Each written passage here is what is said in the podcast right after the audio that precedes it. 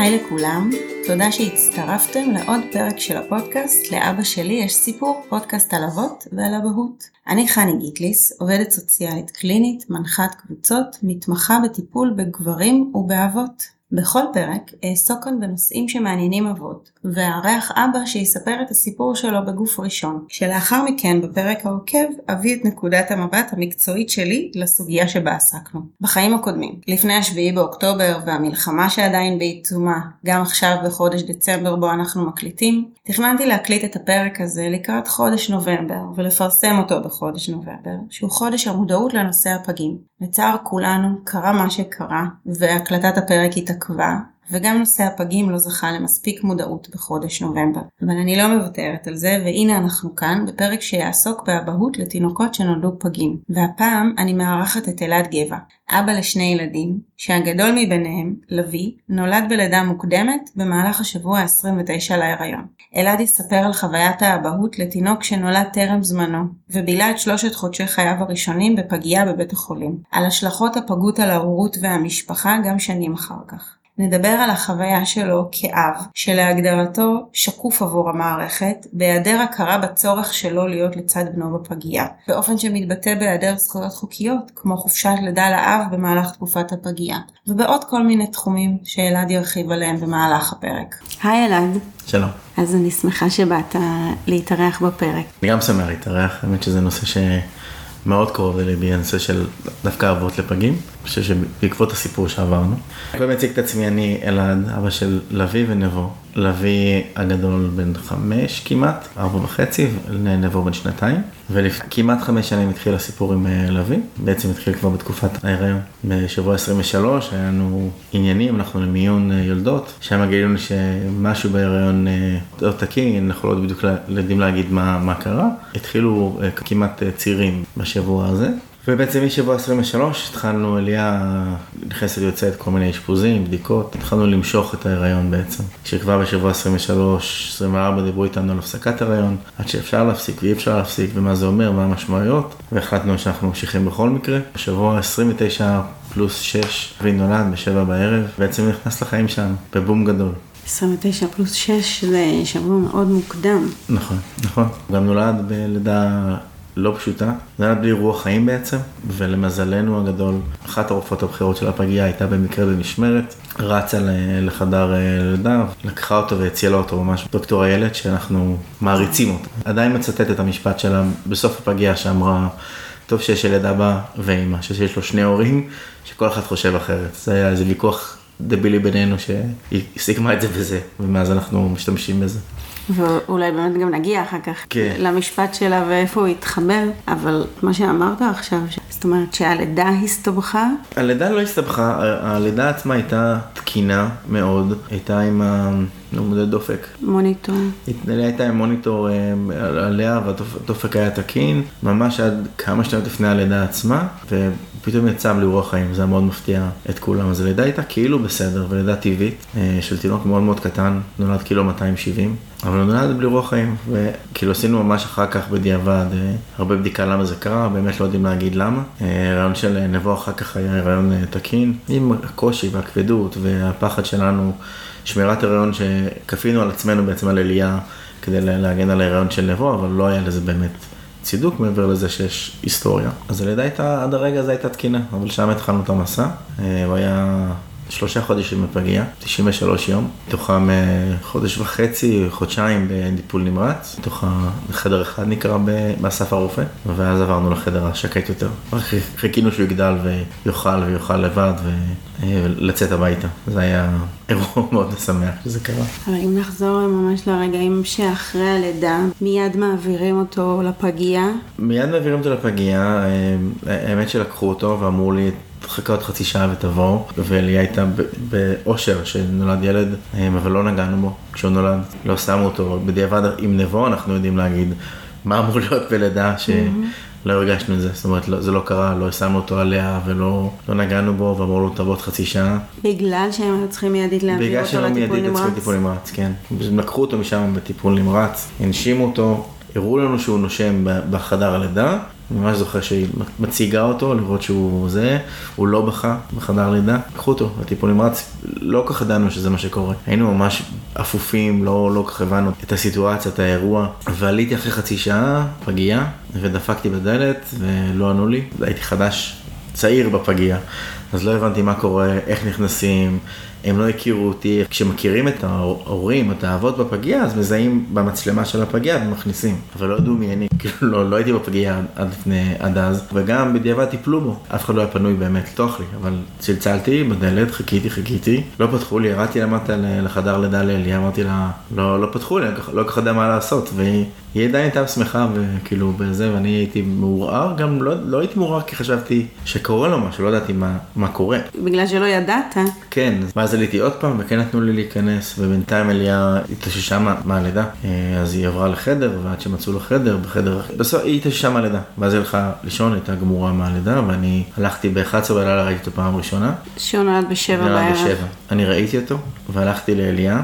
הייתי צריך לשכנע את האחיות מחלקה שהיא הייתה בה, שייתנו לי לקחת אותה לראות אותו. כאילו נולד לילד ואני צריך לשכנע את האחיות. לקחת אותה, שכנעתי שייתנו לי לקחת אותה על כיסא גלגלים, שאני אהיה אחראי עליה, ולא זוכר, לא חושב שחתמתי על משהו, אבל mm-hmm. קצת הברחתי אותה לשם, כאילו זה היה מה שהמחשבה. כאילו לא היה אבל משהו באיך שהיא עברה את הלידה, שהיה אמור למנוע ממנה. לא, אבל בגלל שאתה אחרי לידה, כאילו חששו שהיא תיפול, או משהו כזה, כאילו הרגישה לא טוב, לא היה משהו שהוא... הלידה שלה הייתה תקינה, לא, לא קרה כלום mm-hmm. בלידה עצמה. אבל תגיד, כאילו הייתם באשפוז? לא, זו שאלה טובה, אולי כדאי שנחזור אחורה עליה. שבוע 23 עד שבוע 29 היה התקופה הכי קשה בחיים שלי, הרבה יותר מהפגיע. אמרתי את זה לאליה כמה פעמים בהקשר הזה. בשבוע 23 כשאליה נכנסה לאשפוז, היא אושפזה במחלקת אה, בהריון בסיכון, מחלקה לנשים בלבד, גברים לא נשארים שם, והייתי מדי ערב חוזר הביתה, לבד. לבד. במקביל עבדתי, עבדתי בבית ספר, אז הייתי קם בבוקר, הולך לבית ספר, מסיים בשלוש, מביא אליה משלוש עד 11 בלילה, וב-11 נוסע הביתה לישון לבד, גרנו אז בבאר יעקב, בגלל זה גם הגענו לאסף הרופא, והייתי עושה את הסיבוב הזה, וב-11 בלילה כמעט תמיד הייתי עוצר בתחנת דלק, כניסה לבאר יעקב, כניסה לראשון, ואוכל בורקס. זה היה ממש האכלה רגשית, הכי הייתי אוכל, ו... ואני ממש זוכר אותי אוכל, וזה נכנס לשום מקום. כאילו הרגשתי איך זה ממלא שום חלל ריק, לא מלא שום חלל. הייתה אכילה רגשית מאוד uh, ברורה. אבל הייתי ככה, אה, משבוע 20 עד שבוע 29, שישה שבועות. אז היא הייתה מאושפזת כל התקופה הזאת. היא הייתה מאושפזת והייתה יוצאת, והייתה חוזרת לשלושה ימים, ואז עוד פעם היה, היה צירים והייתה מאושפזת. והייתה, היה מאוד אין ואאוט ולא משהו סדיר. זאת אומרת, זה לא שהייתה מאושפזת שישה שבועות, היא הייתה מאושפזת המון. במקביל, אנחנו לקראת הלידה היינו אמורים לעבור דירה. את כל האריזות של הבית עשיתי לבד. Mm-hmm. עזרו לי מאוד אה, גם חברים שלי, גם, גם המשפחה שלי, גם המשפחה של אליה, אחיות של שלה ואימא שלה, שבאו לארוז איתי, אבל עשיתי לבד. היה פעם אחת שאליה שכבה בסלון, ועזרה לנו להגיד מה צריך לארוז איפה, אז ב, ו, אבל כאילו ארזנו לבד את הבית. אז היא, היא מאושפזת, אני אורז, וכאילו זה היה לחזור ב-11 בלילה, לארוז קצת, לקום בבוקר. הייתה תקופה מאוד מאוד קשה. ומה שהופך ו... אותה לתקופה הכי קשה זה הלבד? זה הלבד. כשאליה, בעצם כשהיא ילדה, ואחרי ששחררו אותה מה, מהבית חולים כמטופלת, אחרי לידה, שוב, הרופאות שאנחנו מאוד אוהבים ומעריכים באסף הרופא, הצליחו לגרום לזה שיאריכו לה את האשפוז קצת יותר ממה שצריך, כי רצה אותי עם מלווים בפגייה, אבל באיזשהו שלב הייתה צריכה להשתחרר, וזה היה, היה הרגע הכי קשה שלה, אבל uh, זה הרגע יותר קל שלי, כי אמרתי לה, את חוזרת איתי הביתה. כאילו זו הייתה תקופה הרבה יותר קלה לי. כאילו היינו חוזרים הביתה וגמורים, לא באמת מדברים, ולא זה, כי היינו רק, רק לנוח, או להסתכל על תמונות שלו בטלפון, uh, אבל זה היה הרבה יותר קל לי. כי זה היה ביחד. כי זה היה ביחד. הבדידות בסוף זה הדבר הכי, mm-hmm. הכי קשה בכל התהליך הזה, זה גם, אחר כך גם בפגייה, בדידות זה איזה מוטיב חוזר בתוך הדבר הזה. חברים שלי, שהיה להם כבר ילדים. שוב, אחרי נבוא אני יודע מה זה לידה רגילה. אז אני מבין למה הם, הם לא הבינו אותי. זאת אומרת, למה, למה הכל נראה מוזר, ולמה הם לא הצליחו להבין את הקושי, ומה אני עובר, ואת המושגים. למדנו מיליון מושגים חדשים בתוך הפגייה. וחברים שבאמת אוהבים ואני אוהב אותם, וחברים מאוד קרובים, אבל הרגשתי מאוד בידות, הרגשתי שהם לא מצליחים להבין, ולא שהם לא ניסו. וכל מי שסבב סביבנו. ואני זוכר שיום אחד בפגייה התקשר אליי חבר נועם, שבת שלו גם נולדה אה, פגה, ופתאום הרגשתי שיש מישהו מבין אותי. והוא כאילו אמר לי את הדברים הכי ברורים מאליהם למה בפגייה, והכי פשוטים, והכי מושגים. באמת, הדברים הכי קטנים, אני כאילו אפילו, כל המושגים ברחו לי, אבל הדברים הקטנים שכאילו אתה אומר לו משהו, הוא אומר לך, אה, כן, זה אומר ככה וזה אומר ככה. ותהיה חזק, אבל באמת, כאילו, מי שעובר את זה, וכמה שנים אחרי זה, אני רוצה, אני חושב, נולדה, נולד חבר אחר שלנו, עכשיו נועם וגם יותם, שאנחנו, וזה היה החבר הנוסף שנולדה, נולדנו פעם, הוא לא, לא חברים קרובים, זה חברים של אה, מהזור, מהכדורסל, אנחנו נפגשים, היינו נפגשים פעם בשבוע, לא חברים קרובים, אבל פתאום מישהו מבין אותך.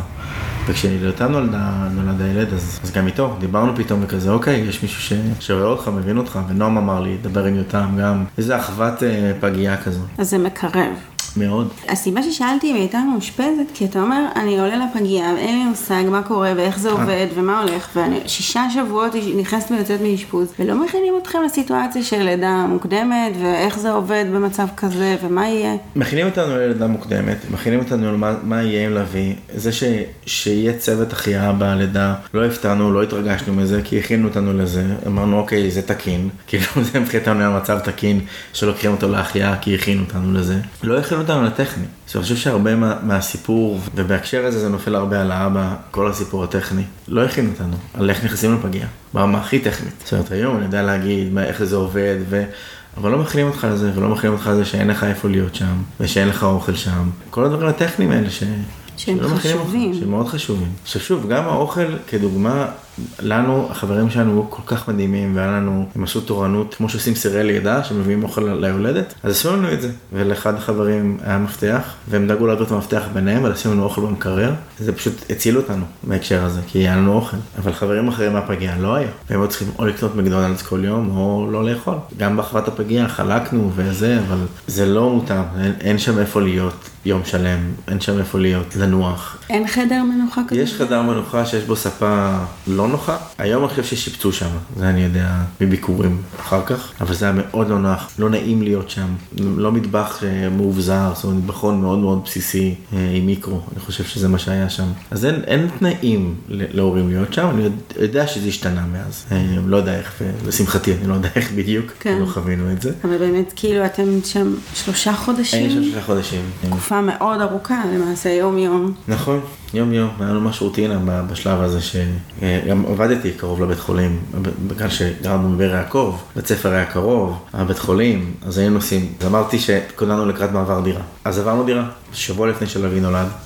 במקרה. עברנו דירה בחולון, כל המעבר עשיתי כשעלייה בבית חולים, ואמרתי לה שאני לא מתכוון לישון בבית פעם ראשונה לבד, הלכתי לישון אצל ההורים שלי, ולשמחתי שחררו אותה מבית חולים, כי כבר שם זה כבר הייתה די מאושפזת, כאילו לתקופות יותר ארוכות, אבל ידענו שיש סיכוי ולא זה, אמרתי לה שתחזיר לבית חולים, מתי שזה יהיה. נשאר ביחד, באמת שחררו אותה מבית חולים לאיזה יומיים, ממש במקרה יצאתי למילואים, חזרתי יומיות, כאילו מה זה, וחזרתי בצהריים, היא אמרה לי אני מרגישה לא טוב, כאילו בוא נלך לבית חולים, חזרתי מהמילואים, אצלנו, סידרו את הבית, אה, אמרתי שהעברנו דירה, אז התחילו לסדר ככה את הבית, הורידו את הספה, כאילו לא משהו ממש רגעי כזה, ואז היא אמרה לי, אני מרגישה לא זה, בארבע אחרי צהריים, אה, נסענו לבית חולים, והרופאה שם אמרה, לא, מה, מה אתם מדברים, אתם לא הולכים ללדת היום, אנחנו מה זוכרים, זו הבדיחה שלנו, אוי חמודים, אתם לא הולכים ללדת היום, הכל בסדר. ושלוש שעות אחרי זה, אליה ילדה. אה, זה היה מאוד, מאוד מפתיע, ולא הגענו מאשפוז, אבל כל הצוות הכיר אותנו וידע מי אנחנו. גם את נבו ילדנו מאסף הרופא מתוך איזה סגירת מעגל שלנו, והצוות עדיין, הרופאה שאז הייתה מתמחה, כבר הייתה רופאה יותר... אה, לא זוכר את ההתמחויות של הרופאים, הייתה כבר יותר אה, בחירה, בחירה בזה. דוקטור עדיל, שאנחנו גם אוהבים בה, רופאת נשים שבאמת מדהימה. אז כאילו הכירו אותנו שם, ידעו מי אנחנו, וידעו מי אליה ומה הסיפור שלה ומה זה. הגענו שם לא מאשפוז, אבל כן הכינו אותנו. באשפוז הראשון של אליה דיבר איתנו רופא ילדים מהפגייה. אה, סיפר לנו מה ההשלכות אה, של לידה מוקדמת, מה הסיכונים, בעצם על מחשבה שאם להפסיק הריון או לא, והחלטנו שאנחנו הולכים על זה באשפוז הראשון. אז היינו מוכנים להרבה דברים. ומשהו אולי באמונה הפנימית שלנו, שהרגשנו שיהיה בסדר, לא חשבנו על הפסקת הריון, וגם כשהיא ילדה, כאילו התכוננו, אבל לא התכוננו טכני. כן. זה, זה הסיפור. אבל בסוף יש, יש לו משמעות. יש לו המון משמעות, ושוב, אני חושב שבהקשר הזה, תכף נדבר על המשמעות של אבא בפגייה, כי בסוף המשמעות שלך היא טכנית ואתה אוויר. כאילו בפגייה, קודם כל לא רואים הרבה אבות, ויש המון אבות שנמצאים שם, אבל הם, הם שקופים. הם שקופים גם למערכת, וגם כי בסוף האמא נמצאת שם, כי היא לרוב מניקה, בטח את הפגים, יש משהו בחלב אם שהוא דוחפים להניק, אנחנו היינו מאוד בסיפור. לוי לא אכל, אני כאילו חוזר הלוך וחזור בסיפור, mm-hmm. לוי נולד ב... לא נגענו בו שמונה ימים. זהו, אז אולי נחזור רגע לזמן הזה, שאתה כן נכנס, סוף סוף הבנת כן. איך מגיעים לפגייה ונכנסת פנימה, ומה...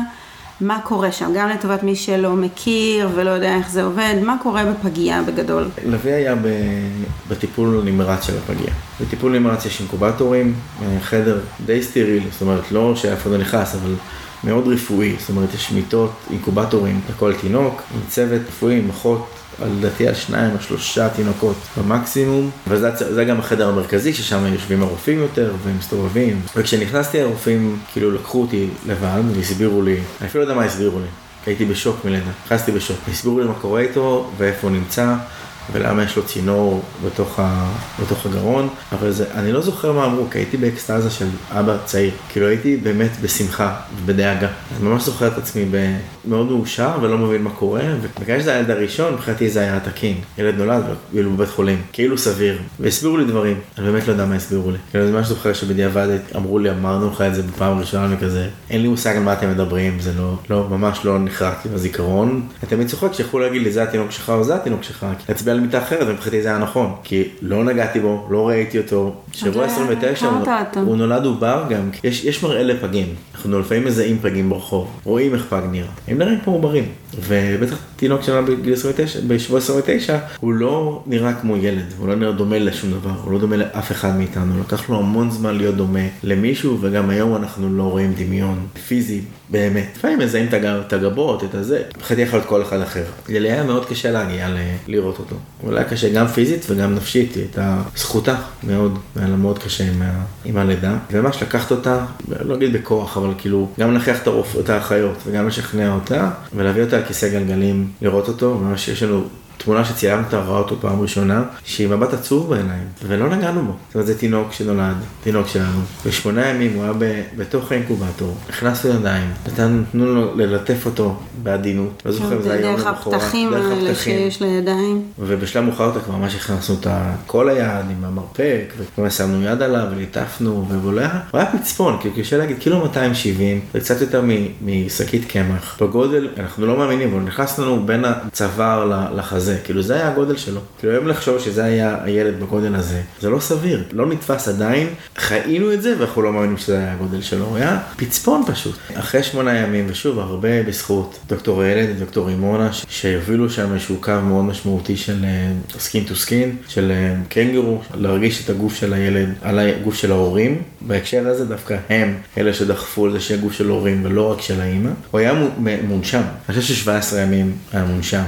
ביום השמיני השמיני שהוציאו אותו, שהצלחנו להחזיק אותו בפעם הראשונה, וזה היה הרגע שאני חושב שלא ראיתי את אליה מאושרת ככה בחיים שלה. הלידה של נבו זו הפעם השנייה שהייתה כאילו מאושרת ככה, אבל פעם ראשונה ששמו אותו עליה זה היה, לא חיוך יותר גדול מזה. באמת. אבל אחרי שמונה ימים, פעם ראשונה שחיבקה אותו, פעם ראשונה שהרגשנו אותו, מעבר ללגעת, ללטף בגוף השברירי הזה, שהיה לו את המידה הכי קטנה של חיתול, שהחזיקה לו מהחזה עד אמצע הרגליים. זה היה הגודל של הילד. וגם אתה פעם ראשונה החזקת אותו. וגם אני פעם ראשונה החזקתי אותו, אבל כאילו אני... חושב שבזה יותר קל להסתכל עליה, אבל את המבט הזה, כאילו, מהצד, לזכור את הסיטואציה שראיתי, וכן, וגם כשאתה החזקת אותו אין לו משקל. זה לא כמו שקית קמח שאתה מרגיש אותה כזה דחוסה. ילד שנפרס על, אה, לא יודע, על באמת כזה גודל, לא היה גוף, הגוף שלו כל כך קטן. התנוך שלו היה הדבר הכי חמוד בעולם, זה היה דף נייר, כאילו זה, אין, אין, אין השוואה להרגשה הזאת של ללטף לו את התנוך אוזן, הפצפון, והבאמת דק, זה פשוט היה הזיה. אני לא מאמין שזה היה הילד הקטן הזה. כאילו היום לראות אותו משחק ומדבר וזה, זה פשוט, לפעמים להסתכל ולהגיד מה, איפה היינו ומה אנחנו היום. וכן, שמונה ימים, פעם ראשונה לגעת בו, ואז זה היה כל הזמן להוציא אותו. וגם להוציא אותו, זה היה קושי מאוד גדול שלנו, היינו, צריכים, היינו צריכים לקבל אישור מהצוות הרפואי, להוציא את הילד שלנו, להחזיק אותו. אתה כל כך מבוטל בתוך הפגיעה, כי יש מצב רפואי, שצריך לבקש אישור ממישהו להחזיק את הילד שלך. כאילו היום כהורה זה נשמע לי הזיה, כל אחד אחר בעולם צריך לבקש ממני אישור לעשות משהו עם הילד שלי. לבקש אישור ממישהו, להוציא אותו, זה היה, היינו, בהתחלה היינו נלחמים, היינו אומרים, הרופאות כבר אישרו את זה, כבר עשינו את זה. אם הגיעה אחות חדשה למשמרת, או מישהי שלא, שפחדה פשוט, לביא היה בין התינוקות הראשונים שהוציאו מחובר עם הנשמה לחיבוק, לקנגרו, זה נקרא. אז לגרום לנו לעשות את זה, היה להילחם על זכות, שכאילו אני ממש זוכר אותנו מתעצבנים על זה, על משהו שהוא כל כך בסיסי להורים להחזיק את הילד. אז המלחמה הזאת הייתה קשה, עם הערכה מאוד גדולה לצוות הרפואי. היו שם אחיות, בטח הרופאות, אבל היו שם אחיות שהצילו את הבן שלנו כמה פעמים, ממש הצילו אותו. זאת אומרת שהיו שם הליכים רפואיים בתוך טיפול נמרץ. כן, כן. תהליכים רפואיים, היה יום אחד שהוא פשוט השתעל. לא יודע איך להסביר את ההשתעלות של הדבר הקטן הזה, אבל הוא השתעל יום שלם, וממש בשישי בערב הגיעה אחות שאנחנו, סיגל, שאנחנו מאוד מאוד אוהבים, הגיעה אחות שפשוט הצי, כאילו הוציאה לו קריש דם מקנה הנשימה, כאילו זה היה, זה עשתה לו שאיבות והוציאה לו קריש דם שיוכל לנשום סוף סוף. לביא עבר בחודש וחצי הראשונים שלו כל בדיקה אפשרית, ולא היה מערכת אחת בגוף שלו, כאילו אין מערכת בגוף שאין לו, לא הייתה לה איזושהי פגיעה או השלכה. זאת אומרת, אין מערכת. שלא ניזוקה. אין מערכת שלא ניזוקה. אין מערכת שלא היינו בביקורת עליה, בבדיקות. עד היום אנחנו בביקורת, היום זה כבר התמתן.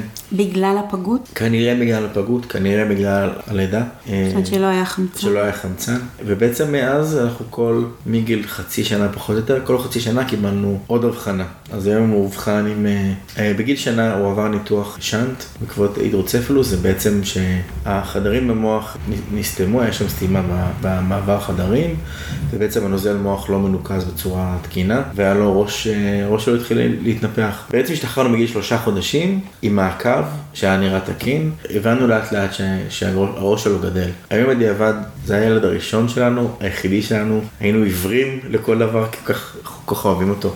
ואז היינו עיוורים לכל דבר ש- שנראה עליו. בדיעבד להסתכל על תמונות ולראות איך הראש שלו ענק. אה, אז הוא עבר ניתוח בגיל שנה, יש לו היום אה, שאנט, מסתם בראש, הוא מאובחן אה, על הרצף האוטיסטי בתפקוד גבוה, יש לו אלרגיה, אלרגיה מסכנת חיים לחלב.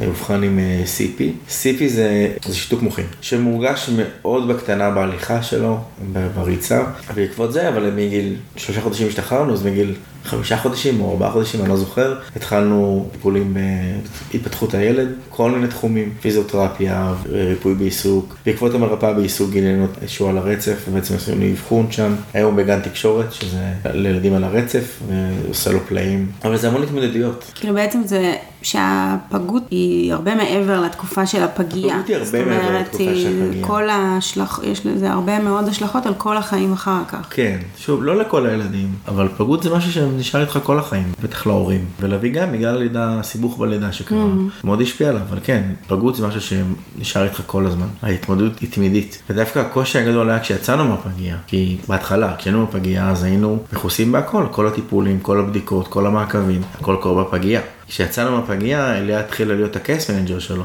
כי גם לא הצלחנו למצוא בקהילה רופא שיחזיק את המצב המורכב הזה, שצריך לעזור לנו לתאם בין כל, ה- כל הדבר הזה. אין, אני לא מכיר פונקציה כזאת, בקופות חולים לפחות, אה, שעוזרת לך לתאם את השיגעון הזה של ילד עם מצב רפואי מאוד מורכב. בטח סיפור של ביטוח, שאף אחד לא רוצה לבטח אותו, אבל בתוך הביטוח של קופת חולים אנחנו בסדר עם הטיפולים. אבל לא היה מי שיעזור לנו, אז אליה הפכה את ה case manager. כשאתה אומר את זה, בעצם זה עבודה. זה עבודה לחלוטין. זה, זה עבודה שגם כנראה לא מאפשרת. אליה הפסיקה לעבוד. לעבוד. היא הפסיקה לעבוד כשלוי, אה, כבר בתקופת ההיריון היא הפסיקה לעבוד באופן אקטיבי, ובעצם היא הפסיקה לעבוד באופן רשמי אחרי שהוא נולד, אחרי חופשת הלידה בעצם. ידענו כבר שלא תחזור לעבודה, והתחילה ממש לגדל אותו. אבל בוא נחזור רגע לעבודה שלך, נכון? כמה כן. זמן אתה בחופשה אחרי. הלידה? שאלה טובה, אני לא בחופשה בכלל. זו נקודה מאוד מרכזית בפגייה. בעצם גבר לא מקבל חופשת לידה. אז אם העבודה מאוד מכילה ומקבלת, אז הוא יקבל ימי מחלה שהוא יכול לקבל. שבוע. אני לא יודע מה מקובל בעבודות, שבוע, שלושה ימים, אה, יש לי חברים, ש- כי בעיקר יש בהייטק. איזה הגדרה, לא? אני לא מכיר הגדרה, אני חושב שאפשר לקחת ימי מחלה שהם, שהם מוכרים. כן. אני גם לא חושב שמישהו בשום עבודה יעשה עניין מימי מחלה, אבל אתה לא מקבל חופשה. בתשלום, זה על חשבון ימי המחלה שלך. כשלוי נולד, בעצם בפגייה, ידענו שאנחנו לקראת תקופה מאוד ארוכה. אז אני לא לקחתי בכלל ימי מחלה, אני חושב שהייתי בשלושה ימים של ימי מחלה ואז חזרתי לעבודה. כדי לשמור את הימי כדי מחלה לשמור ימי שלך. מחלה, ידעתי שאנחנו הולכים לקראת תהליך. שלושה ימים, כל השמונה ימים הראשונים וכל אתה עוד, אתה כבר ישר חוזר לעבודה. כן. בוא כאילו רגע, איך זה מרגיש? זה, לא יודע להגיד איך זה מרגיש, כי דווקא בתקופה ההיא שאליה הייתה בבית חולים, איתו זה הרגיש יותר קל אולי, כי היא הייתה שם, היא הייתה איתו. לי, בהתחלה היה ניתוק מאוד גדול. אמרתי מקודם, כשאליה חזרה איתי, הרגשתי ש... שהיא חוזרת איתי, אבל לא הרגשתי שהשארתי את לוי שם. ואליה מאוד הרגישה שהיא השאירה את לוי. זאת אומרת, אני חזרתי עם אליה אחרי שלושה חודשים, או חודש, חודשיים, שהייתה בה בהיריון בסיכון, ואני השארתי כל פעם את, את ילדה בבית חולים, אז פתאום חוזרת איתי, ולא חוזרת ילד שלא נגעתי בו עדיין. אני כאילו מתבייש להגיד את זה. לא היה לי חיבור רגשי אליו עדיין. כאילו לא הרגשתי שאני משאיר שם את הלב שלי כמו שאני מרגיש היום, כשאני נוסע ללילה או שנמצא בזז, אני כאילו אני מתגעגע אליהם וזה חסר לי. שם הרגשתי שזה מאוד טכני, הייתי מאוד מנותק. היום בדיעבד, אני גם יודע להגיד שזה היה מנגנון הגנה שלי. זאת אומרת, יצרתי הדחקה מאוד גדולה של הסיטואציה. סוג של, אה, של טראומה שהיום אני מתמודד עם, אני לא רוצה להגיד עם פוסט טראומה, אבל כן מהגדרות של פוסט טראומה ודכדוך, שאני יודע בדיעבד שזה נגרם שם. בסיטואציה הזאת שאמרתי, אוקיי, אני כאילו מדחיק את הסיפור הרגשי, אני לא רלוונטי, אני לא קשור לדבר הזה, שזה גם עניין. עד הלידה אני ולאה היינו בתפקידים מגדרים קלאסיים הפוכים. זאת אומרת, אני הייתי הרגשי, הזוכר את הימי הולדת, את התאריכים, ולאה הייתה כאילו מאוד אה, טכנית וכאילו את המשימתית וזה. לא באמת נכון לא עליה ולא עליי, אבל זה כאילו היה התפקידים. ו- ובלידה זה ממש התהפך, כאילו היא הפכה להיות יותר רגשית, מחוברת לילדים, לילד. אם לבוא זה כבר היה אחרת. אבל ללוי, ואני הפכתי להיות מאוד משימתי. מאוד משימתי, והיה המון משימות לעשות. כשהיא השתחררה מהבית חולים, היינו צריכים מכונת... אה, שאיבה, היא שאבה, התחלתי להגיד, לביא לא אכל, לא נגענו בו, אז הוא גם לא אכל חלב אם, כי המורכבות עם, עם הכלכליות שלו ועם הרכבה, ו... אז הוא לא אכל חלב אם, אבל אליה שאבה, לא מעט, ובבית חולים יש אה, מכונות אה, שאיבה מאוד טובות, אז היינו צריכים להשיג מכונת שאיבה כזאת הביתה, כדי שזה ימשיך, ימשיך להיות חלב עד לרגע שהוא יאכל. היינו צריכים להשיג מקפיא לביתה, כי היה כמויות מטורפות של חלב, שלשמחתי תרמנו אותם אחר כך, אבל היה כל מיני לוגיסטיקה כזאת, עברנו דירה, היה צריך לטפל בכל הדברים האלה שמעבר דירה. תוך כדי זה שאנחנו בבית חולים. ושוב, למזלנו, היה קהילה שהקיפה אותנו עם חברים, וההורים שלי טיפלו בכל הדברים הטכניים של הבית, ולהיות שם כשמגיעים התקינים, ועברנו לבית חדש. אז כל הדברים, כל ההתקנות, כל התיקונים, אבא שלי היה כאילו הפוינט פרסן שעשה את כל הדברים, וההורים שלי נהיה שדאגו לכל הדברים. כאילו היה לנו המון תמיכה, ועדיין הרגשנו מאוד מבודדים בתוך הדבר הזה. גם המשפחות, אני חושב שלקח חודש עד שהרשו לנו להכניס משפחות. כי משפחות לא נכנסות לפגייה, בהגדרה. בטח לא לחדר טיפול נמרץ. אבל אחרי שהיינו חודש שם, ממש כאילו התחננו וכבר הכירו אותנו חודש, היינו שם בני בית. זאת אומרת, היינו קיים בבוקר, בשבע הייתי מוריד את אליה בבית חולים, נוסע לבית ספר, בשלוש אני חוזר, והיינו שם ביחד עד 11. אז אליה הייתה שם קבוע מ-7 בבוקר עד 11 בלילה. אני שם מ-3 אחרי צהריים עד 11 בלילה. אז היינו שם בני בית, גרנו בפגייה. היינו על כיסאות לא נוחים, כיסאות הכי פשוטים שיש, כמה שעות, להסתכל על הילד, זה לא לשחק איתו, mm-hmm. זה לא, זה להסתכל עליו, מבריא עם עצמו. ושרנו לו המון, ודיברנו איתו, ועשינו את כל מה שצריך, כל מה שיכולנו לעשות, וההתעקשות, ברגע שהיה מותר להוציא אותו, הוא היה כמה שיותר זמן עלינו. ועליה הייתה מתכננת את השאיבות, ואת האוכל שלה, שהיא לא אכלה, היא לא הייתה אוכלת, היא הייתה מכריחה את עצמה לאכול, כדי שהיא תוכל לשאוב חלב תקין, אבל הייתה מתכננת את זה סביב הסיפור הזה של מתי מותר להחזיק אותו. מתי אין החלפת משמרת שהיא תצטרך להחזיר אותו לתוך האינקובטור. כי אז צריך לצאת, או אז צריך, האחיות צריכות לעשות איזה החלפה, או איזה טיפולים, או הייתה ממש מתכננת הכי הרבה זמן שיכולה. להחזיק אותו. ואז אני הייתי מגיע בערב וגם מחזיק אותו איזה שעה, שעה וחצי. פשוט אומר להיות איתו עלינו, תחת לחלוק בית חולים, כשהיינו מחליפים חולצה, שמים חלוק ו skin to skin. עור שלו על העור שלנו, חשוף, וממש לעשות את זה כמה שיותר. וזה כאילו, זה מה שהעסיק אותנו באותו זמן. במידה מסוימת העבודה דווקא הצילה אותי. הציב לי שפיות בתוך הדבר הזה, הציב לי משהו להתמודד איתו, להיות כאילו מעורב בו. בעצם בשני לספטמבר של אותה שנה, הראשון לספטמבר היה יום שבת, שני לספטמבר היה יום ראשון.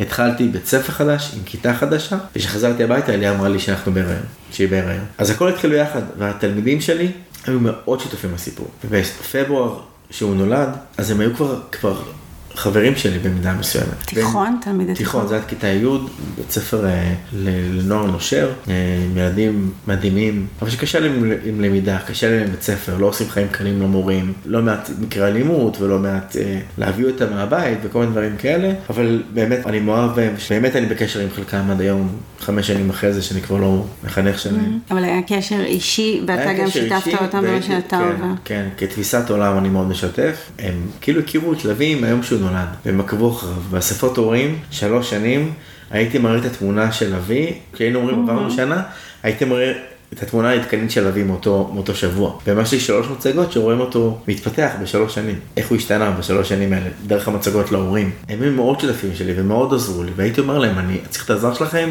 אני הולך לפה לבית חולים, תנו לי שקט, כאילו, והם היו עושים את זה כמה שיותר, כמה שהם יכלו בתוך הדבר הזה. התלמידים. התלמידים. וצוות, ואנשים שמסביבך, אתה משתף במה אתם עוברים? לא, לא בהכל, זאת אומרת, הם ידעו שהוא בבית חולים, הם ידעו שהוא נולד, והם היו מאוד, אה, כאילו, כולם ידעו את הסיפור, כי אני כן בן אדם משתף, והם כן ידעו שאני הולך משם לשם בית חולים. הם ידעו שהוא נולד, אז כולם שאלו, ידעו שהוא נולד מוקדם.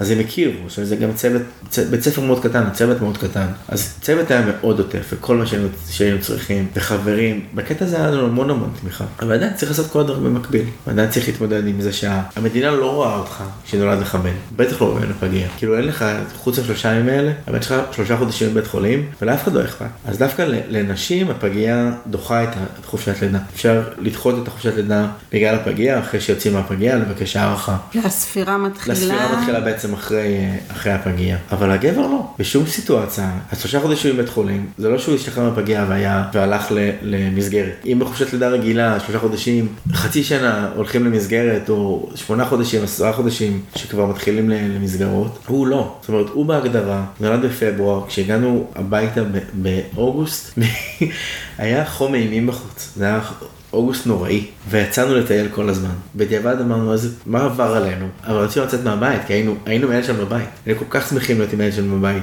אני זוכר, הוא העיר אותי באמצע הלילה, והיה לי כיף להיות איתו. היה לי כיף לראות את הזריחה איתו כשהוא ישן עליי. תמיד אומרים, לפחות אנחנו לא בפגיע. כאילו איזה כיף, אז הוא מעיר אותנו, למי אכפת? הוא מעיר אותנו בבית שלנו. כאילו חודשים ראשונים של. הורות, כן. שכל החוויה היא אחרת לגמרי. היא אחרת. אתם... ממש, ממש. אתה ממש אתה מרגיש שם, אתה אומר, אוויר. כן.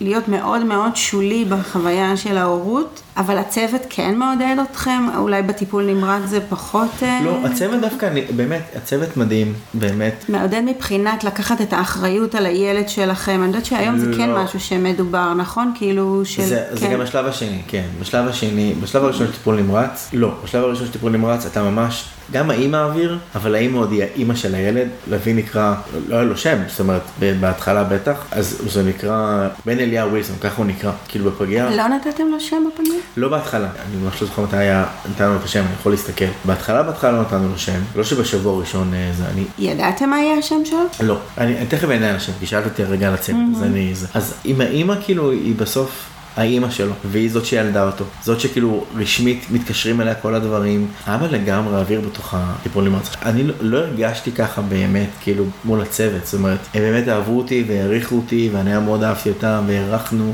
והיו לנו הרבה שיחות, אבל היית הסיידקיק של האימא. כאילו אתה nice to have. עכשיו גם מליאה בגלל שהייתה שם 8 עד 11, הייתה בכל הטיפולים, בכל הבדיקות, אלא אם כן הוציאו אותה. כי לפעמים צריך להוציא אותה מהחדר לבדיקה. וגם היום כאבא אני אומר, מה זה להוציא אותי מהחדר כשבודקים את הילד שלי? זה נשמע לי הזיה. ואז כאילו לקחנו את זה כמובן מאליו, זה לא קרה תמיד ולא בכל דבר. אבל היה בדיקות כאלה שאומרים לך, אתה עכשיו צריך לצאת, אתה מסתכל מהצד.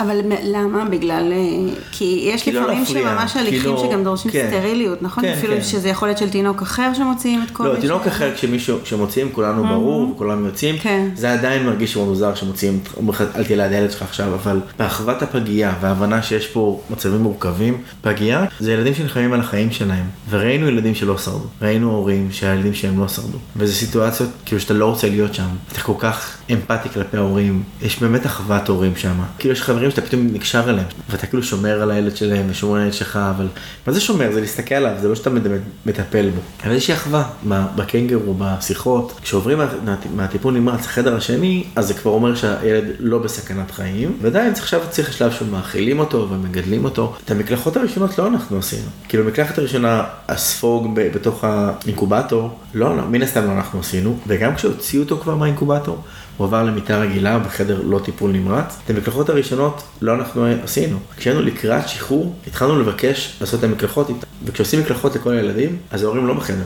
כי עושים עכשיו, זה, זה זמן מקלחות. Mm. אז כל ההורים יוצאים מהחדר, אה, מהפגייה. זה בכיור כזה?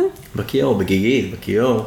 תלוי בגודל של הילד, בקערת סלט קטנטנה, אבל כל ההורים יוצאים, אז האחיות עושות את המקלחות האלה והן עושות סרט נע. אני מבין אותם גם, לא שלנו אמפתיות, אבל הן לא עכשיו, הן מקלחות, מאוד ברגישות ומאוד באהבה, אבל הן מקלחות והורים מפריעים בדרך. ואז אתה אומר שאתם ביקשתם. אנחנו ביקשנו, וגם שוב, היינו כבר חודשיים שם, כבר הכרנו את הצוות, לא ברמת השם, ברמת מה הם עושות אחרי צהריים, והיו שיחות עמוד עמוקות. בחדר 2 זה נקרא, חדר 1 זה טיפול נמרץ, חדר 2, החדר הרגיל, כבר יותר, יש יותר lounging, יותר יושבים, עם הילד, יושבים כאילו, מאכילים אותו כבר, אחרי- כבר שלב שמאכילים, או מתחילים להאכיל. אני הראשון שאכלתי את לביא, זה היה כן חוויה, זה עם, עם מזרק קטנטן, כמו פצפונת, פעם ראשונה שהוא אכל מחלב אם, זה, היה- זה אני אכלתי אותו, שזה היה רגע מאוד מרגש לי. וואו, וזה אחרי הטיפול לא, נמרץ? זה היה בטיפול נמרץ. אה, עדיין.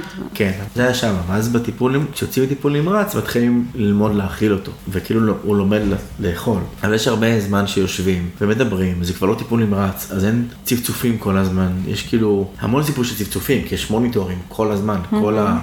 גם בחדר שתיים, אבל הרבה פחות צפצופים, הרבה פחות רעשים, ובטיפול נמרץ, כמו בסרטים, ברגע שקורה משהו, מצפצף, כדי שיבואו ויטפלו, או שיש הרבה אינפוזיות, והאינפוזיות הן אה, אלקטרוניות, זאת אומרת ששמים את המזרק עם איזה מקצב וזמן של הזה, וברגע שהוא מסיים אז הוא מצפצף שסיים, כמו שעון מעורר כזה. אז יש כל הזמן צפצופים, חדר אחד מלא מלא בצפצופים, ובחדר שתיים אין, אין כל כך הרבה צפצופים, אבל גם אין בכי. כאילו כשאתה חושב על תינוקות, ישר חושב על בכי, ואין בכי, כי זה פגים עדיין. אז הם לא בוכים, וגם אם בוכים אז זה מאוד מעט או חלש, או... אז יש יותר בכי בחדר שתיים, וה... והאחיות, בשלב הזה של חדר שתיים כבר רוצות להכין אותך לקראת היציאה, וגם אנחנו כבר ביקשנו, לא די, הוא כבר בן חודשיים, הילד, אנחנו צריכים להתחיל לקלח אותו, אבל הוא פצפון. כאילו בשלב הזה בגודל של הכף יד שלנו, זה לא ילד, אה, וזה סיפור מעניין כי כשהגענו, הגענו הביתה אחרי ששחררו אותנו, אנחנו לימדנו את ההורים איך לקלח אותו. אימא שלי, אימא שלי, לאה, קילחו ילדים בחייהם, כאילו גידלו אותנו, זה לא שהן לא יודעות לזה, אבל זה היה מאוד מפחיד. עכשיו אנחנו בגלל שכבר עשינו את זה עם אחות לידינו, וכבר תרגלנו את זה, אז לא פחדנו כל כך. אני ממש זוכר, זה כאילו מבט מבועת על הפנים, ואיך מחזיקים את הדבר הקטן הזה בתוך האמבטיה, עד שמתרגלים, ואז זה כאילו באמת קילחו וזה, שבריריות. ממש שבריריות. אז אתה שותף לזה, אבל מהשלב שאתם אני מבקשים. שותף לזה. אני לא סתם אומר אני, כי, כי האבות בפגייה, היום יודע להגיד את זה, כשיש לך ילד שני, אתה התפקיד שלך זה הבית. אז לי לא היה בית לדאוג לו. דאגתי לדברים הטכניים בבית. אבל כשיש לך ילד נוסף, אז אתה בבית עם הילדים. היה הרבה שם שזה לא הילד הראשון שלהם, אז האבא באמת כן. הרבה פחות מגיע. גם האימא, יש לה עוד ילדים בבית. כאילו אבא שזה ילד שני, בעצם צריך לחלק את עצמו בין העבודה, הבית והפגייה. נכון. מה שמשאיר מעט מאוד זמן. מה שמשאיר מעט זמן לפגייה, היו המון אבות שמגיעים בלילות, שהמשמרת שלהם זה 8 עד 11 בלילה. גם 11 בלילה אז, לא יודע מה היום בזה, ומאוד נכנסנו לזה, אז אחרי, אחרי השלב של הפגייה כבר, קצת התנדבנו בעמותה של הפגים, ועשינו איזה מחקר על, אה, על תנאים של הורים, אבל לא המשכנו עם זה היום. אבל אז ב-11 בלילה סגרו את הפגייה, אז אתה חייב עד 11 בלילה כאילו לראות את הילד. אז האבות היו מגיעים בלילה. היה לנו אה, חברים קרובים מהפגייה. שזה היה הזמן שהיינו, אני והוא יושבים. הילדים עלינו, מאכילים אותם, יושבים לידם, אה, מחליפים חיתולים כבר, זה, אבל אנחנו יושבים, מדברים, מספרים בדיחות, צוחקים, נהנים מהזמן, ו- ולהם הייתה ילדה גדולה יותר, שגם הייתה פגה, ואז לא תמיד הם היו ביחד, תמיד הם היו במשמרות. ואני ואיליה תמיד היינו ביחד, כשאני הייתי. אז היינו כאילו יושבים, מספרים, מדברים וזה. גם השעות העבודה שלך עוד יחסית נוחות. השעות העבודה שלי מאוד נוחות, בבית נכון. ספר, גם לא ויש. אה, חופש. כן, נכון, בפסח הייתי שם כל הזמן, כאילו אני וליה כבר היינו ממש שמה. חגגנו שם אה, לא מעט חגים. נולד בפברואר, חגגנו את אה, פורים שם, חיפשנו אותו לנוח בתיבה. שמנו... נוח באינקובטור. נוח באינקובטור, הפכנו באינקובטור לתיבת נוח. כי גם היה שלב שהוא היה עם הדוקטוס, עם ההנשמה, וזה היה נראה כמו זקן. חיפשנו אותו שם לנוח בתיבה, הדבקנו חיות על האינקובטור. אני אגיד שפורים זה חג אהוב עליי. אני מאוד אוהב להתחפש, ומאוד אוהב להתחפש עם, עם דברים. חיפשנו פעם לחלוצים, וליה התחפשה לחלוץ כדורגל, ואני לחלוץ של, של פעם. כאילו, כל מיני בדיחות, בן גוריון, את בן גוריון והתחפשה למטוס. כאילו פתאום לחפש אותו זה היה מאוד כיף, זה היה פתאום אוקיי, איזו אווירה כיפית בתוך ה- האיכס הזה של להיות בפגייה. בשלב הזה ממש התרגלנו לזה כבר, התרגלנו להיות שם. זה דיכא אותנו, וזה לא, לא כיף להיות שם, אבל התרגלנו, זה מה שעשינו. היינו באים בשעות הקבועות, ואוכלים את אותה ארוחת צהריים שחיממנו באותו מקום. הכרנו את, את אסף הרופא בצורה מדהימה, ידענו איפה הדברים. אני חושב שכשהגיעו אבות חדשים לפגייה, הרגשתי שזה התפקיד שלי לחנוך אותם. אז לא באמת חנכתי אותם ולא באמת איזה, אבל ידעתי שיש אבא חדש שמגיע, כאילו להגיד לו, אחי, אני פה כבר כמה זמן, ויש לך שאלות, או... אתה יודע, עדיף לך להיכנס ככה, שאתה רואה מישהו שמנסה להיכנס לפגייה, זה אחד המקומות היותר אה, מאובטחים בבית חולים, כי לא כל אחד יכול להיכנס. אז אתה כבר אומר לו, כאילו, איך מצלצלים, מה עושים, איפה עומדים, למה הם כרגע, אם אתה עכשיו מצלצל ולא עונים, אז תבין, כאילו, להבין למה. הסוגיה הראשונה שהייתה לך. הסוגיה הראשונה מאוד הציפה אותי.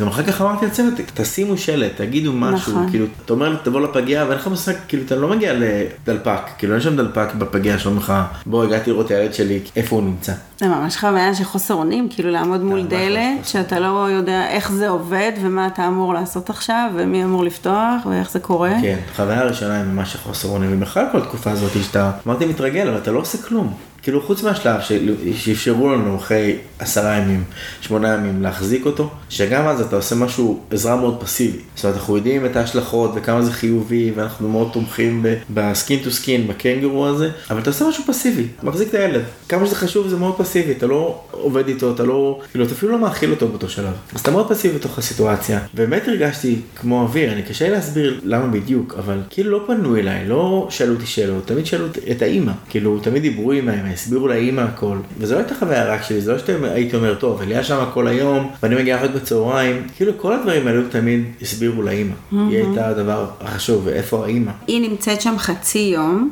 ואתה איתה בחצי יום השני, אין סיטואציה למעשה שאתה לבד. הסיטואציה שאני לבד זה כשאני נמצא בחצי יום שלי והיא הולכת לשאוב. ואז היא הולכת לחדר, בחדר ליד. יש חדר שאיבה של הפגייה, קראו לזה המחלבה, הבמה כאילו זה, ויש חדר שאיבה שהן יושבות שם כולם וזה, כולם בדרך כלל אותם זמנים, שבדרך כלל זה הזמנים שאי אפשר לה- להחזיק אותו, הזמנים ש, שיש החלפת משמרת, כאילו ואז כולן עושות את זה באותו זמן, כי זה הזמן שהפגייה יותר מיועדת לזה, או שהיא סוף סוף היא הלכה לנוח קצת, או לאכול, או גם זה לא בית חולים.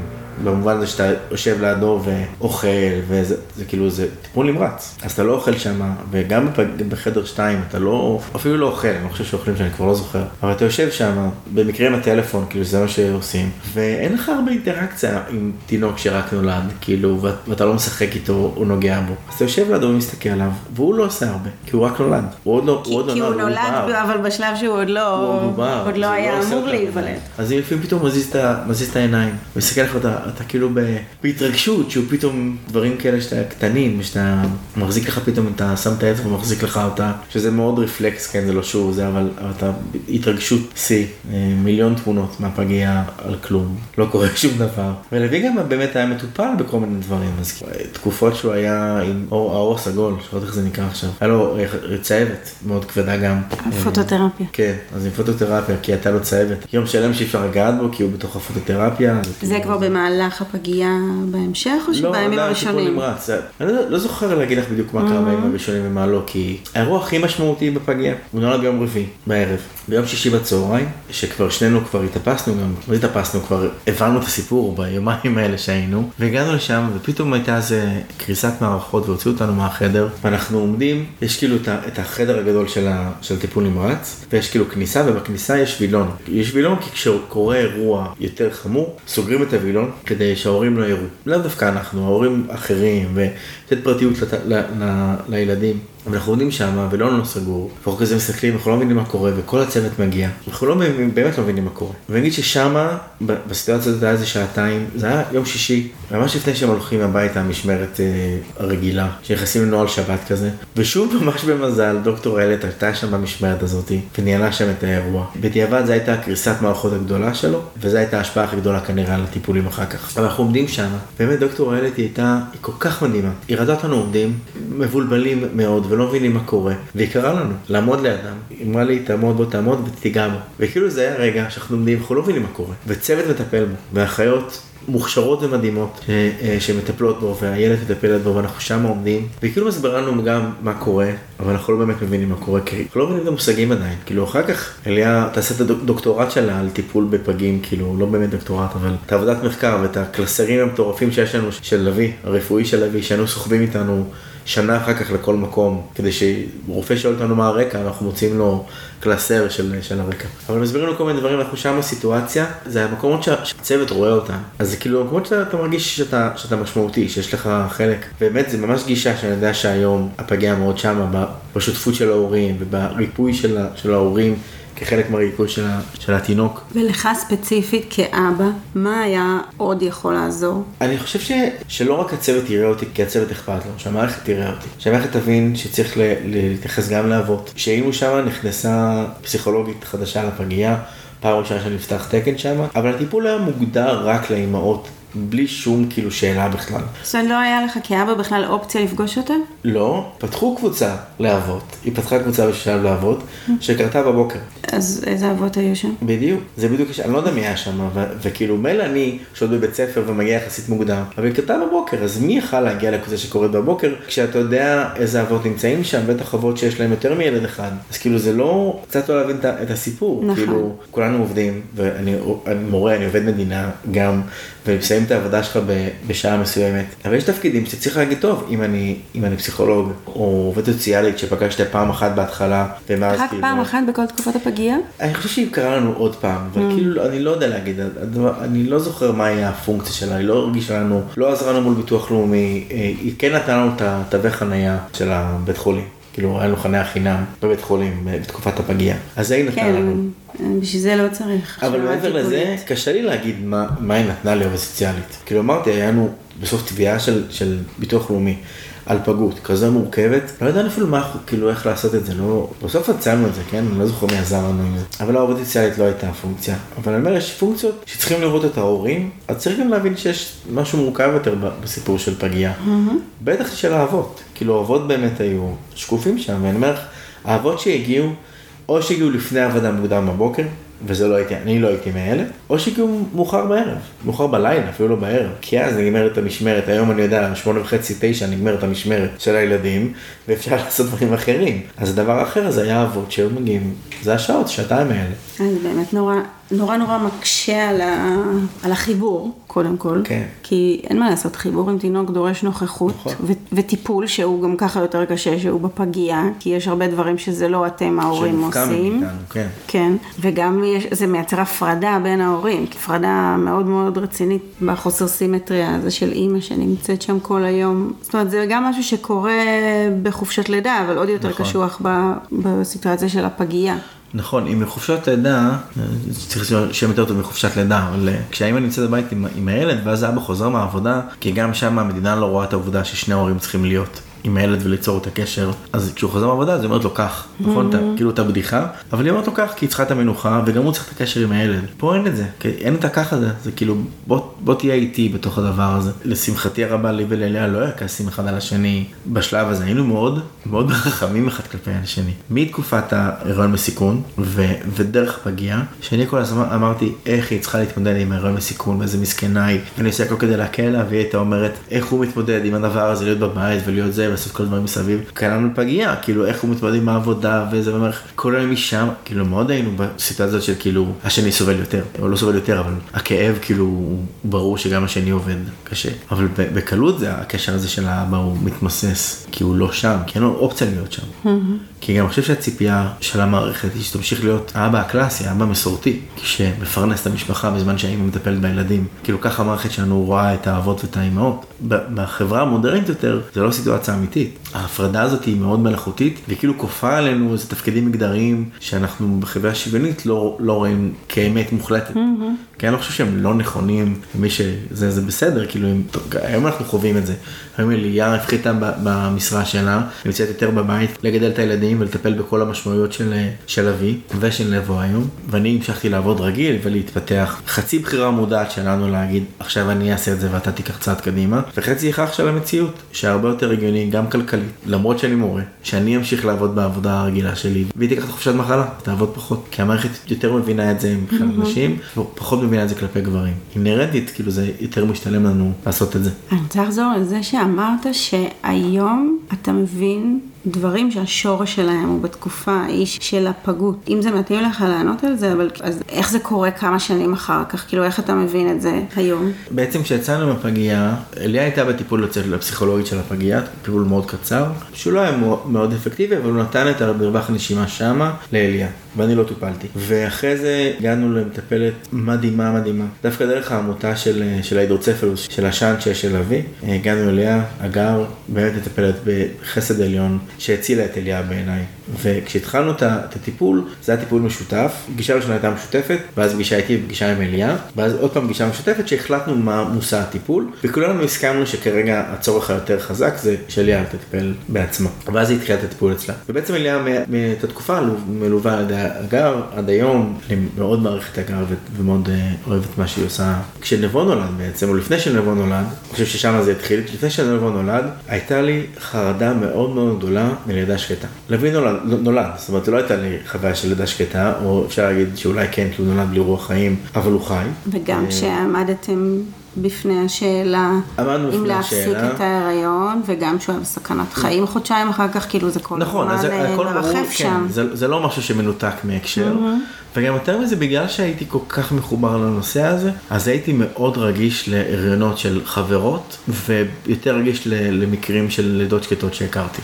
ודווקא של גברים, כאילו של, של הסיפור של הגבר בתוך הדבר הזה, כי הרגשתי כמה הגבר נעלם בתוך הסיפור הזה, בטח ב, בלידה לא קלה, אז בטח בלידה של לידה שקטה. שכאילו שוכחים שיש גם אבא שאיבד את הילד שלו. אז הייתי מאוד רגיש לזה ומאוד סביב הדבר הזה, ואני חושב שגם לא הרבה לפני זה חברה בעצם ילדה לידה שקטה, וזה הצית כאילו גם את המחשבה הזאתי, והייתי מאוד מעורר סביב הדבר הזה, והלכתי לטיפול, ובעצם מצאתי מטפל, זה היה, היה בקיץ, ביולי-אוגוסט, אני זוכר כי היה לי זמן לנסוע אליו, וטיפלתי בעצם בנושא הזה, ואז התחילו החגים, והפסקנו ככה לסביב החגים, ונבו נולד באוקטובר. ואז אמרתי, טוב, נבו נולד, אז כאילו, אין לי סיבה לטפל בחרדה יותר, כי המושא העיקר של הטיפול מולו היה החרדה הזאתי, שנפתרה.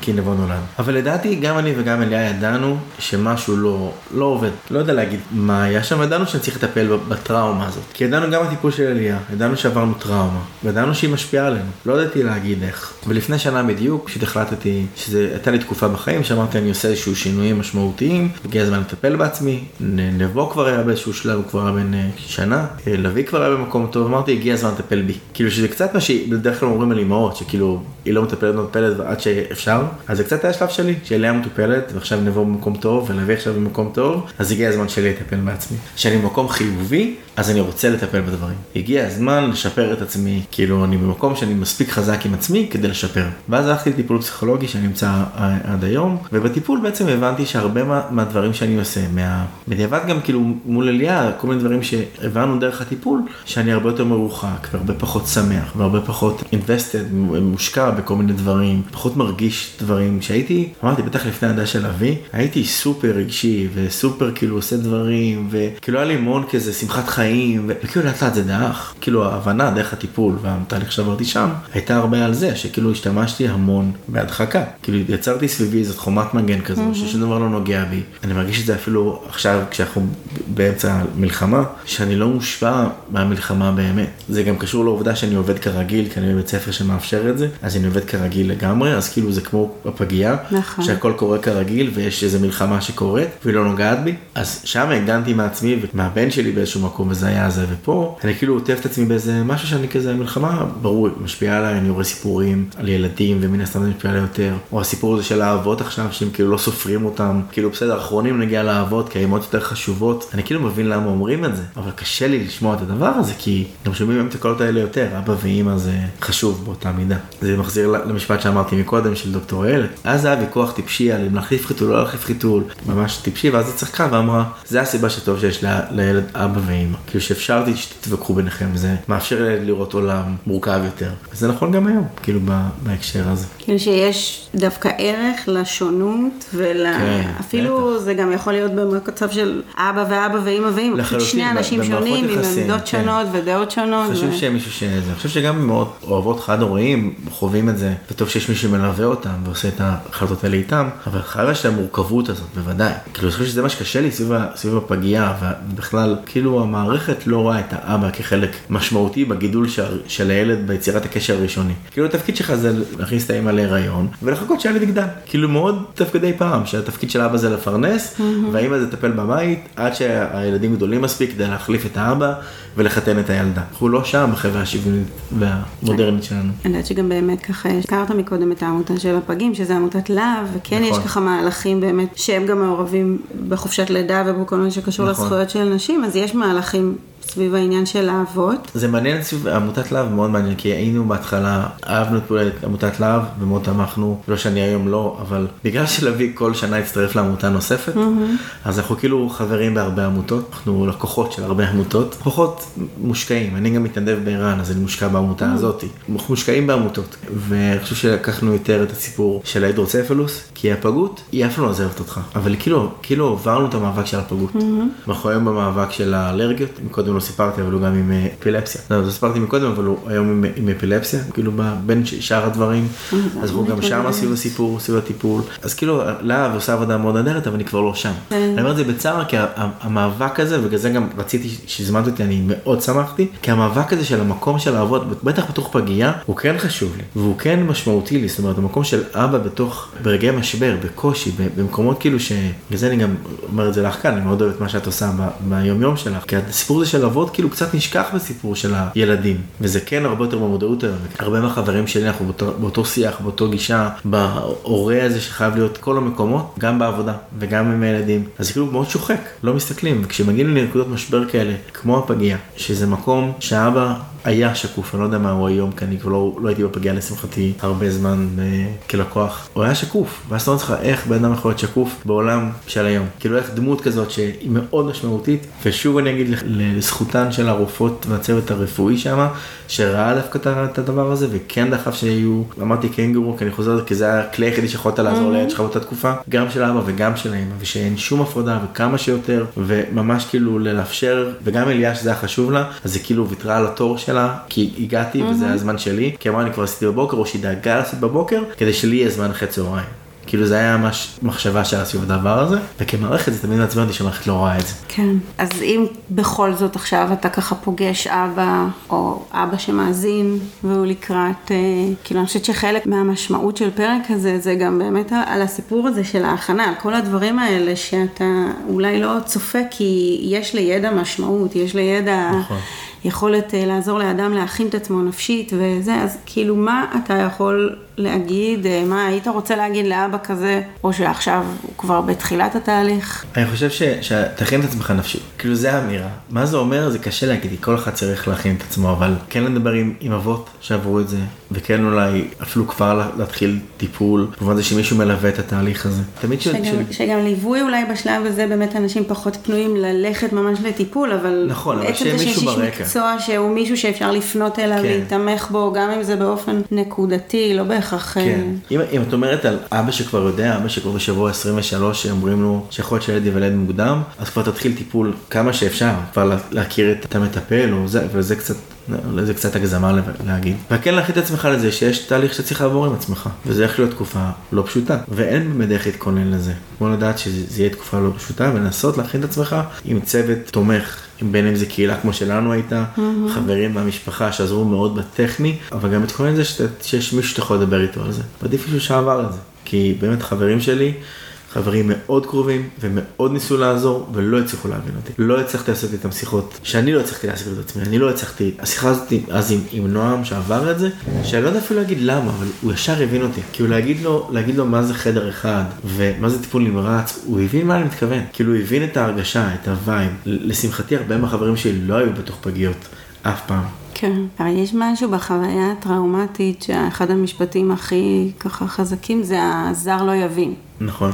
אני חושבת שזאת ממש זה. החוויה. כן, זר לא יבין. ו- ושוב, אני חושב שבהקשר הזה אנחנו מרגישים את זה, גם היום על המצב הרפואי המורכב שלו, שזר לא יבין את זה. באמת זר לא יבין זאת. והיום כשיש לי את נבו, תודה לאל הדברים אצלו הבריאותיים, שום דבר לא באיזה קושי, אה, אני מבין למה אנשים לא מבינים. אני מבין את, ה- את ההתפתחות המורכבת אה, של אבי, גם את החרדות שיש לו סביב הסיפ- הרבה סיפורים, ואני מבין למה אנשים לא הבינו למה אנחנו לא יוצאים מהבית. אליה בשנה הראשונה, לוי נכנס לגן כשהוא היה בן שנה וחצי. בשנה הראשונה לא, כאילו, מיעטנו לצאת מהבית, לפגוש חברים, לפגוש אנשים, היה לנו חברים מאוד קרובים שנולד להם פג כמה שנים לפני לוי, ותמיד היה אה, ליאת, האמא תמיד הייתה אומרת, ניפגש באביב, זאת אומרת אחרי החורף, אחרי החורף, כזה, למה, מה, ולא הבנו, בדיעבד עכשיו מאוד מבינים את זה. שהרבה יותר חוששים למחלות. הרבה יותר חוששים, הגוף שלנו הרבה יותר עדין ורגיש. לא נפגשנו עם, עם חברים, ואז לוי נכנס לגן, והגיע קורונה גם, אז היינו בבידוד תקופה די ארוכה בהקשר הזה, שהיא נכפתה עלינו. זר לא הבין זאת, באמת, mm-hmm. כאילו, מי שאין לו ילד שעובר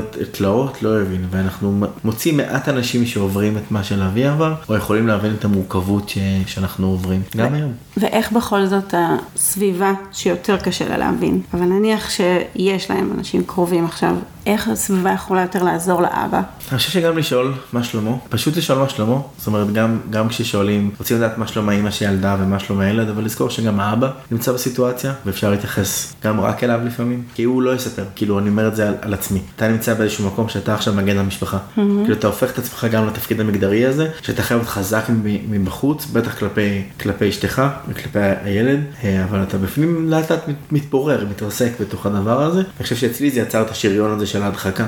אז לראות מה קורה איתו, לראות מה שלמה ולאפשר לו גם, גם לנשום וגם אה, להחליף אותו בדברים טכניים שלפעמים הוא צריך לעשות, לעזור וגם להבין שלא תמיד אפשר להבין אותו ולאפשר את זה גם. כן היה לי את זה, אני אגיד בכנות, ובסוף החוויה הזאתי היא בלתי נמנעת כנראה. תהיה בטראומה ואתה mm-hmm. צריך להתמודד איתה, פשוט להיות מוכן לזה כמה שאפשר. לא לוותר, כאילו גם אם נראה שבסדר, בסדר, בסדר, להמשיך ולבדוק כן. גם בנקודות זמן שונות. ממש ככה. אמרתי, אני ארבע וחצי שנים אחרי זה החלטתי לטפל בזה, ואני, היום אני הרבה יותר טוב ממה שהייתי לפני חצי שנה. התמודדות שלי עם עצמי, ושוב, גם עכשיו שהגיעה מלחמה ויש עוד איזה משבר, אני יותר מודע לזה לפחות.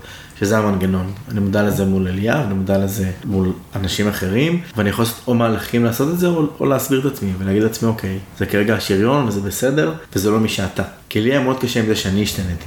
כן. זה הפך אותי למישהו הרבה פחות שמח, שגם ככה ילדים מעייפים אותך. זאת אומרת, גם נותנים לך המון כיף וחיים, אבל מעייפים את האנרגיות. אז זה גרם להיות כאילו עצוב פעמיים בהקשר הזה. Mm-hmm. אז כן, לא לוותר, להמשיך לראות את הדבר הזה, להמשיך להגיד איפה אני כן משומר על עצמי, איך אני כן אה, מטפל בעצמי, ולא להיות רק זה שמטפל באחרים. אני גם באמת חושבת שאנשים שטיפול הוא לא מוכר להם, או לפעמים אפילו באיזה התנגדות וזה, אז זה משהו שיכול לקחת הרבה זמן אם בכלל יגיע, ואז לסביבה יש תפקיד ממש קריטי בלהיות אלה שכן נותנים את ההכרה והתמיכה והאמפתיה. נכון. כשהתחלתי את הטיפול, זו הייתה באמת תקופה שהייתי מאוד מאוד, כאילו צללתי, זה כאילו הייתה ירידה לצורך עלייה, ובאמת עם מלוא התמיכה של עלייה בתוך הדבר הזה, לא הייתי, לא הייתי שורד את זה. אה, כשגם היא, ושוב, זה, זה באמת יחסים סימביוטיים בהקשר הזה, כאילו כשהיא הייתה במשבר שלה, אז גם אני מאוד אה, הייתי שם, אבל כאילו זה לא מובן מאליו. כשיש שני ילדים, בבית שצריך לתפעל, שהיא הייתה מאוד מודעת, מאוד מבינה לתוך הסיטואציה הזאת. כן, הסביבה צריכה להבין את זה, ש...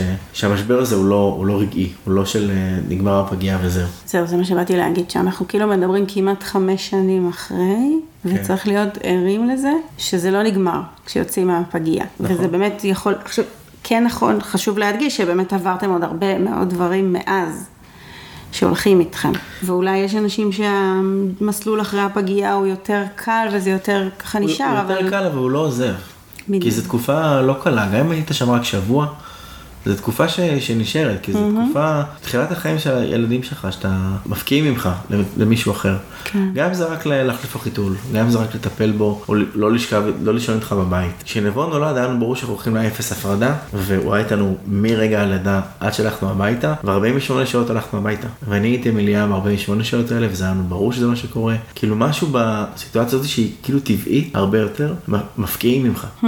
ואז הדבר הזה הוא בסוף... הרבה יותר חזק מכל דבר, וזה יוצר, יוצר איזשהו משהו, לאו דווקא טראומה שצריך לזה, אבל זה, זה נשאר איתך, נכון, תמיד. חשוב להגיד את זה, שזה, יש לזה את ההשלכות, גם אם זה לא, זאת אומרת, האירוע הוא טראומטי, גם אם זה לא נשאר, נכון. כי, כי לידה מוקדמת נכון. בדרך כלל טראומטית, כי יש שמן, אין מה לעשות, יש את המרכיב הכי רציני של טראומה, שזה פשוט יהיה סכנת חיים. טוב, אז אני אגיד תודה רבה רבה. היה ממש מעניין, תודה. שזה באמת לא מובן מאליו, שאתה ככה בא מאוד מאוד פתוח, ואני חושבת שלהורה שהיום מתמודד עם זה, ולאנשים שככה זה בסביבה שלהם, יש המון המון ערך בדברים שאמרת. אני, אני ממש שמח, אמרתי, זה אחד הנושאים שאני עדיין קרובים לליבי, גם חמש שנים אחרי זה, ואני ממש שמח שיש לפחות את זה לעשות. תודה.